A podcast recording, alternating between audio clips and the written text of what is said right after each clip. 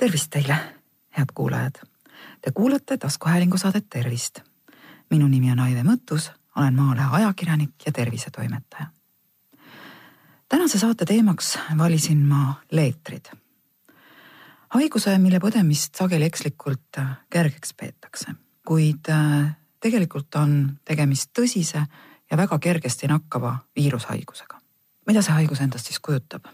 tänase saate teemaks valisin ma leetrid haiguse, mille põdemist sageli ekslikult kergeks peetakse.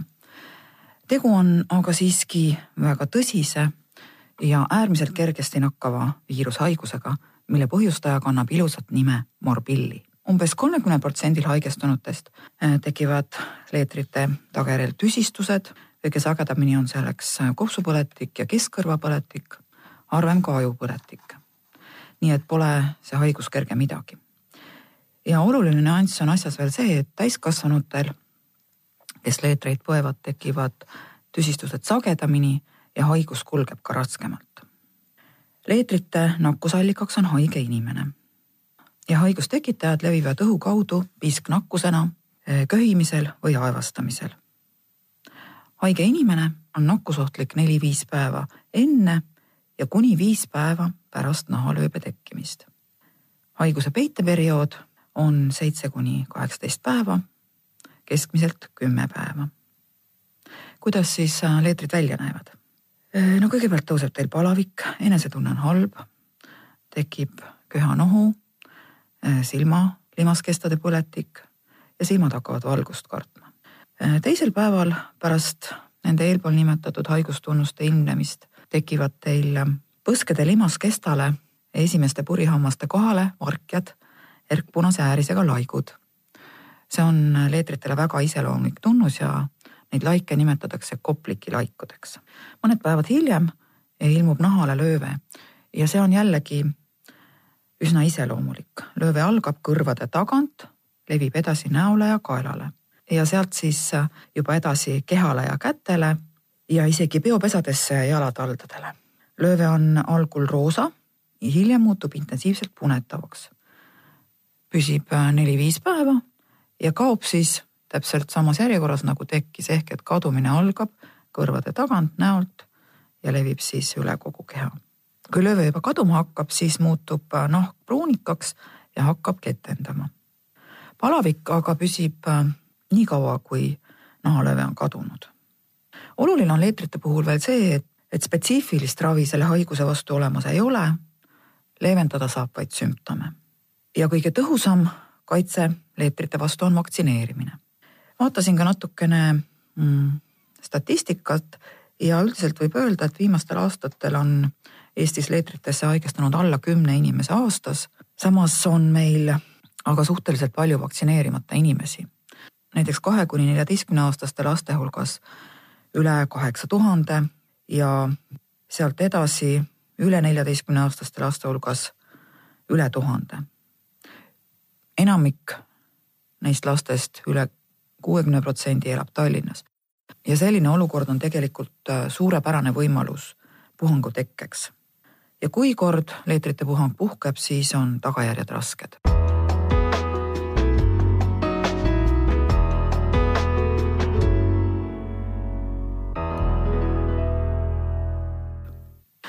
niisiis, vaktsineerimine.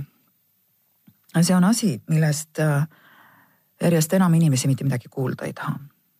väidetakse, et vaktsiinid on meditsiinitööstuse rikastumise allikas, et nad tekitavad autismi, nõrgestavad organismi, koormavad lapse immuunsüsteemi liigselt, sisaldavad ohtlikus koguses alumiiniumi ja muid aineid ja üleüldse, et kui vaktsineerimata inimene on äh, piisavalt tugeva tervisega, siis nakkushaigused talle külge ei hakka. Äh, paraku on aga nii, et kõik need müüdid on teadus ammu ja täiesti üheselt ümber lükanud.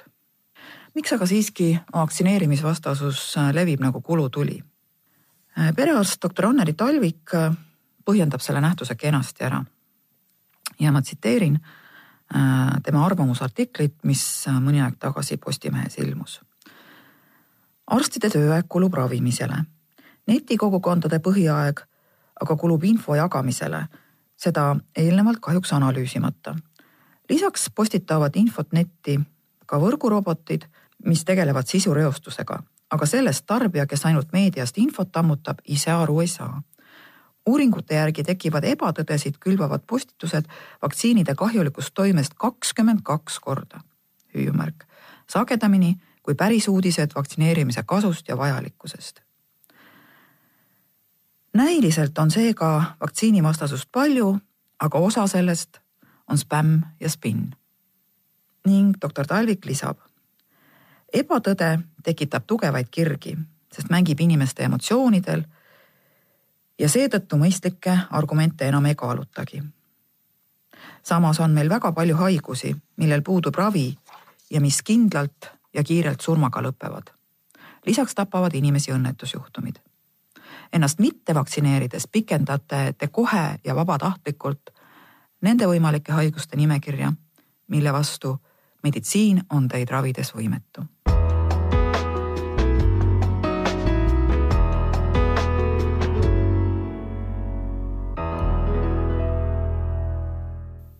nüüd aga võtame ette niisuguse toreda blogi nagu Sinu terve laps, mida peab perearst doktor Piret Roospuu. Ja otsime sealt mõnedele enamlevinud leetreid puudutavatele küsimustele vastused. alustuseks tõdeb doktor Roospuu, et kui laps on leetrite vastu vaktsineerimata, haigust põdenud ei ole ning on enam kui ühe aasta vanune, siis ta leetrite eest kaitstud ei ole Eestis vaktsineeritakse lapsi leetrite vastu kaheteistkümne kuu ehk siis ühe aasta ja kolmeteistkümne aasta vanuses. Ja seega peabki lapse kaitstuse küsimusele vastama tema vanusest lähtuvalt. niisiis, esimene eluaasta. ema kõhus olemise ajal saab laps äh, emalt leetrite vastu antikehad. nii leetreid põdenud kui haiguse vastu vaktsineeritud emadel võivad Äh, aga leetrivastased antikehad raseduse ajaks juba allpool kaitsvat taset olla ja sellisel juhul ei saa ka loode emalt piisavalt kogust antikehi. enamasti aga siiski saab, nii et äh, sellepärast väga palju muretsema ei pea.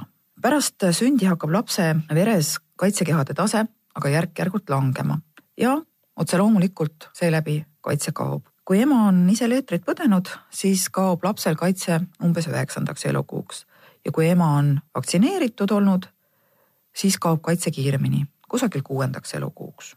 kuna eh, suurem jagu kaitsvate antikehade ülekannet lootele toimub raseduse viimasel kolmandikul, on enneaegselt sündinud lastel antikehade tase tihti madalam kui õigel ajal sündinutel. Järgne eluperiood on siis üks kuni kolmteist aastat pärast aasta vanuselt tehtud esimest vaktsineerimist leetrite, mumpsi ja punetiste vaktsiiniga kujuneb hea kaitse leetrite vastu välja umbes üheksakümnel protsendil vaktsineeritutest. see kaitse on reeglina tugev ja pikaajaline.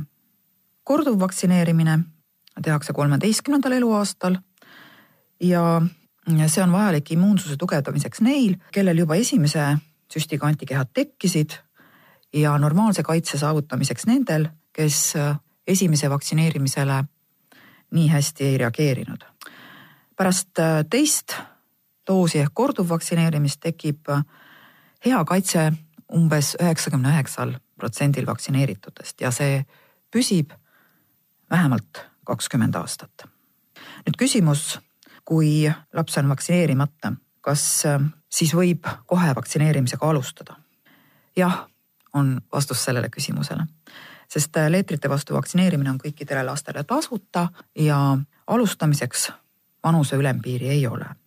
ja nüüd, kui emal tekib küsimus, kas ta on ise leetrite vastu vaktsineeritud ja ta vastust ei tea sellele küsimusele, siis kas võiks äh, last vaktsineerida enne aastaseks saamist? ja doktor Rospuu vastab sellele küsimusele nii, et alla ühe aasta vanustel imikutel tekkiv immuunvastus vaktsiinile on lahjem kui kaheteist kuu vanuses või hiljem vaktsineeritud lastel. Äh, näiteks ühe firma leetrite, mumpsi ja punetiste vaktsiini infoleht ütleb, et kui vaktsineerimisega alustada üheksa kuu vanuses, tekib kaitse seitsmekümne kahel protsendil lastest. aga vaktsineerimise kavad on maailmas siiski erinevad ja mõnel pool kasutatakse äh, sellist varianti, et üks doos tehakse üheksa ja teine kaheksateist kuu vanuses. teisel aga neljateist kuu ja kuue aasta vanuses. nii et iseenesest alla aasta vanuse lapse vaktsineerimine ei ole keelatud, aga suurim kasu saadakse sellest ikkagi siis, kui teha vaktsiinisüst aasta vanuselt. küll aga ei vaktsineerita leetrite vastu alla kuue kuu vanuseid lapsi sest selles vanuses on beebi kehas suure tõenäosusega tegutsemas veel ema käest äh, saadud antikehad ja need takistavad lapse enda immuunsüsteemil normaalse pikaajalise kaitse kujunemist. nii, aga kui nüüd lapsevanemal tekib küsimus, äh, kas ma ise võin olla leetritest ohustatud? Vastus sellele küsimusele on jällegi jah. Äh, doktor Rospuch kinnitab, et täiskasvanud võivad samuti leetritest haigestuda ja seda oleme me ka siinsamas Eestis viimastel aastatel näinud ja taas, nagu ma eespool juba ütlesin, on täiskasvanud ähm, lastest enam ohustatud tüsistustest. Eestis alustati leetrite vastast vaktsineerimist kuuekümne neljandal aastal ja esialgu tehti seda suuremates linnades ja valikuliselt. Ning äh, kasutati ühte vaktsiinidoosi. Äh, kahte doosi kasutatakse alates tuhande üheksasaja kaheksakümnendast aastast ja tegelikult on nii, et iga konkreetse inimese vaktsineerimise andmed peaksid tema enda käes olema. aga noh, paraku nii nagu ikka asjadega juhtub, need kaovad, eks ole. ja mis see üks paberileht siis kaduda on. nii et väga sageli täiskasvanud inimesed ei tea, kas nad on vaktsineeritud. aga sellegi asja kindlaks tegemiseks on võimalus olemas, nimelt on võimalik teha vereanalüüs, millega saab määrata leetrite vastaste antikehade taset inimese organismis Äh, samas nii vaktsineeritutel kui haiguse läbi põdenud inimestel hakkab äh, antikehade tase ajapikku äh, organismis langema. sestap võiksid lastega töötavad inimesed ja tervishoiutöötajad oma leetrite vastase kaitse üle vaadata sellesama lihtsa vereanalüüsiga, millest ma rääkisin ja siis vajadusel immuunsust uuendada. Ja nüüd siis see müüte tekitav küsimus ehk kas leetrite vastu vaktsineerimine on ohtlik ja kas see tõesti tekitab autismi? Äh, vaktsiin, siis liitvaktsiin, millega vaktsineeritakse kolme haiguse vastu, leetrite, mumpsi ja punetiste vastu, kannab lühidalt nime MMR ja äh, praeguseks on tehtud äh, mitmeid erinevaid uuringuid selle kohta, kuidas see vaktsiin inimese tervisele mõjub. Ja nende uuringute tipp on üks suur ülevaade kuuekümne neljast uuringust, mis hõlmas rohkem kui neljateist miljonit last. Äh, selle uuringu kokkuvõttes tõdevad teadlased, et äh, on väga-väga ebatõenäoline, et vaktsiin on seotud autismi, astma, leukeemia, heinanohu, esimest tüüpi diabeedi, kõnnakuhäirete, kroonitõve, demüeliniseerivate haiguste, bakteriaalsete või viiruslike infektsioonidega. nii et äh, see on väga-väga ebatõenäoline, on teadlaste viis öelda, et äh, leetrite vaktsiin kõiki neid haigusi ei tekita. täiesti kindlalt ja tõsiselt. igaühe kohta neist haigustest äh, selles suures uuringus neid neljateist koma seitset miljonit last muidugi ei uuritud. Mõned äh, uuringud jälgisid ühte, mõned teist haigust, aga kokku on siiski see laste hulk, keda uuriti väga-väga märkimisväärne ja tulemusi võib täiesti usaldusväärseks lugeda küll aga on tõsi see, et äh, MMR kompleksvaktsiin võib tekitada mõnel inimesel mõningaid kõrvaltoimeid, äh, näiteks palavikku lühiajaliselt, süstekoht võib olla valulik, minna tursesse või hakata punetama. Äh, lisaks võib tekkida kerge liigesvalu, mis enamasti ise möödub ja ka leetreid meenutav lööve võib korraks nahale tulla. kõik need nähud, eriti palavik ja lööve, tekivad tüüpiliselt nädal-kaks pärast vaktsineerimist ja mööduvad äh, päeva või paari jooksul iseenesest.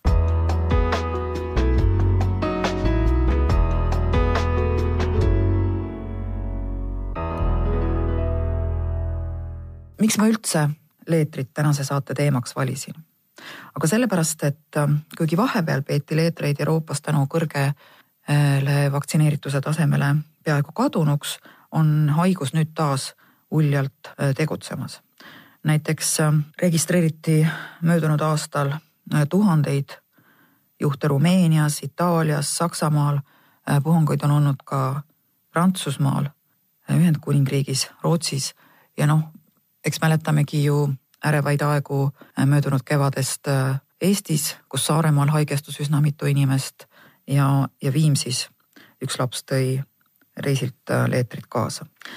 nii mujal Euroopas kui ka Eestis on enamus haigestunutest vaktsineerimata või on neil vaktsineerimine pooleli jäänud ja tegelikult kujutavad nad endast seetõttu tõsist leetrite leviku allikat oluline on teada sedagi, et reetrid ei ole niisugune oh põen läbi, omandan immuunsuse haigus. kui inimene selle endale külge saab, eh, siis on tema immuunsüsteemi töö üsna mitu aastat pärast haiguse põdemist häiritud. see, et leetrid eh, immuunsüsteemi nõrgestavad, on juba ammust aega teada. aga kolm aastat tagasi, kahe tuhande viieteistkümnendal aastal avaldatud uuring väidab, et eh, suurem vastuvõtlikkus haigustele pärast leetrite põdemist ei kesta mitte paar kuud lastel, vaid lausa kolm aastat, sest äh, leetriviirus ründab inimorganismi immuunmälu, vähendab T ja B lümfotsüütide arvu. Äh, mida need äh, T ja B lümfotsüüdid organismis teevad? T-tappjarakud hävitavad haigustest nakatunud rakke ja T-abistajarakud reguleerivad ja kooskõlastavad väga suurt osa immuunsüsteemi tööst B-rakkude ülesanne on aga toota antikehi ja võõraid antikehi ka pärast ägeda nakkuse möödumist mäletada.